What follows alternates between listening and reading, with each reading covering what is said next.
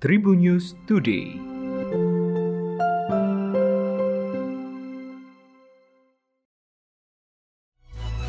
Apa kabar Tribuners? Berjumpa kembali bersama Hakim di Tribun News Today. Hakim akan berbagi informasi menarik hari ini, mulai dari informasi nasional, regional, selebritis, dan olahraga. Pengamat politik sekaligus Direktur Lingkar Madani Indonesia atau LIMA, Rai Rangkuti menilai pemerintah seharusnya segera merespon pertanyaan publik terkait penilaian adanya empat orang wakil pemerintah dalam tim seleksi penyelenggara pemilu 2021-2022. Menurut Rai, pernyataan ini logis untuk ditanyakan karena setidaknya ada empat nama di dalam tim sel yang jabatannya berada di bawah struktur presiden. Di antaranya adalah Juri Ardiantoro, Bakhtiar, Edward Omar Syarif Yarich, dan Pongki Indarti. Ray mengatakan kenyataan ini tentu saja bertentangan dengan pasal 22 ayat 6 Undang-Undang Nomor 7 Tahun 2017 yang mensyaratkan wakil pemerintah dalam tim sel hanyalah tiga orang, sementara wakil masyarakat dan akademisi adalah empat orang. Dengan kenyataan ini, salah satu wakil dari masyarakat atau akademisi kurang jumlahnya, sementara wakil pemerintahnya malah lebih. Selain potensial melanggar UU, kata Rai, ketentuan ini dapat mengundang sikap ketidakpercayaan masyarakat terhadap independensi tim sel. Oleh sebab itu, secara format dan kedekatan nampak susunan anggota tim sel ini condong seperti orang presiden. Masalahnya bukan pada kapasitas, integritas, dan pengalaman anggota tim selnya saja. Tiga kriteria yang dimaksud terwujud di dalam diri para anggota tim sel tersebut. Tapi kesan bahwa tim sel ini seperti orang dalam presiden juga tidak dapat diabaikan. Dan kesan ini akan bertambah kuat dengan kenyataan lain bahwa tim sel dibuat dengan terburu-buru tanpa konsultasi publik dan ditetapkan tanpa partisipasi masyarakat. Ratusan siswa di Buru Selatan Maluku melakukan unjuk rasa karena teman mereka dinikahkan oleh ayahnya yang adalah ketua MUI Maluku. Para pelajar SMP Negeri 16 Role ini menggelar aksi di depan kantor urusan agama dan kantor Bupati Buru Selatan. Mereka memprotes pernikahan anak yang dialami oleh teman mereka berinisial NK Para siswa menuntut perlindungan hak mereka sebagai anak dari tindakan oknum tokoh agama ataupun orang tua.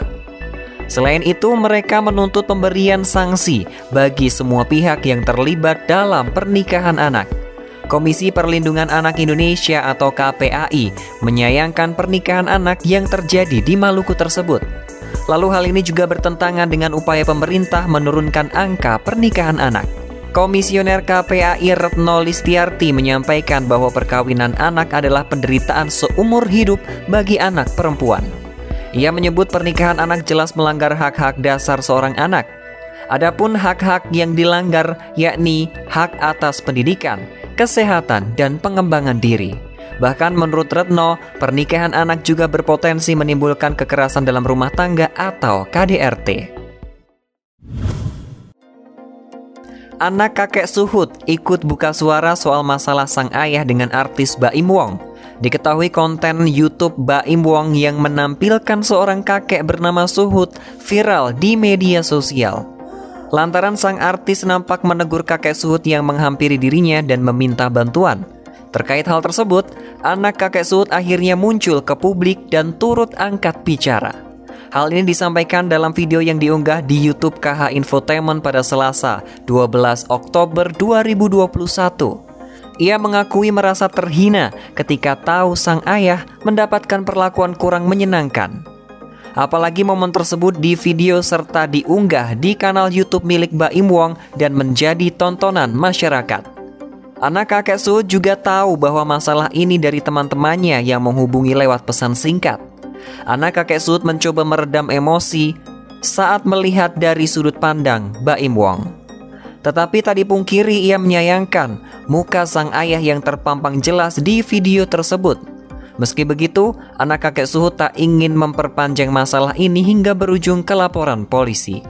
Dikarenakan apabila dibawa ke kantor polisi maka polemik tidak akan selesai. Ia memilih untuk menyudahi masalah dengan baik dan kedua belah pihak saling sabar. Tak sampai di situ saja, anak kakek Suhud juga tak memungkiri akan menyelesaikan masalah secara kekeluargaan. Dalam kesempatan itu, kakek Suhud turut membeberkan kronologi versinya. Akademi Kepolisian atau Akpol tahun ini menggelar Pekan Olahraga Seni Mahasiswa Pelajar dan Taruna atau Porsi Maptar secara hybrid, online, dan juga offline pada tanggal 18 hingga 22 Oktober mendatang. Namun menariknya, porsi Maptar tahun ini jadi bertaraf internasional karena akan diikuti peserta dari luar negeri, yakni Malaysia, Filipina, dan juga Inggris, seperti lomba karya ilmiah dan juga English Competition. Ketua Panitia Popsi Maptar tahun ini, Brik Tutar M. Arsyan Rahman mengatakan, situasi pandemi COVID-19 tidak akan mengurangi esensi dari kegiatan tahunan tersebut. Hal itu diungkapkannya bahwa porsi Maptar tahun ini akan ada di webinar, virtual exhibition, dan opening serta closing kegiatan. Sementara untuk kegiatan webinar akan dimoderatori oleh Senandung Nacita dengan menggandeng narasumber Irjen Pol Slamet Uliandi yang saat ini menjabat sebagai Kepala Divisi TIK Polri. Sedangkan acara penutupan atau closing bakal dilaksanakan pada 22 Oktober mendatang di Gedung Cendikia Akpol. Pada momen closing Popsi Maptar tahun ini, nantinya akan ditampilkan pemenang dari seluruh perlombaan dalam bentuk triatikal. Acara pembukaan Popsi Maptar tahun ini nantinya juga akan dilakukan melalui virtual maupun secara langsung dari kampus Akpol dan akan disiarkan secara langsung atau live streaming melalui YouTube Akpol. Demikian tadi empat informasi terupdate hari ini. Jangan lupa untuk terus mendengarkan Tribunnews Today hanya di Spotify Tribunnews Podcast dan YouTube tribunnews.com. Tetap patuhi protokol kesehatan 3M dengan memakai masker, mencuci tangan dan menjaga jarak atau menjauhi kerumunan. Saya Hakim pamit, salam sehat untuk semua. Tribun News Today.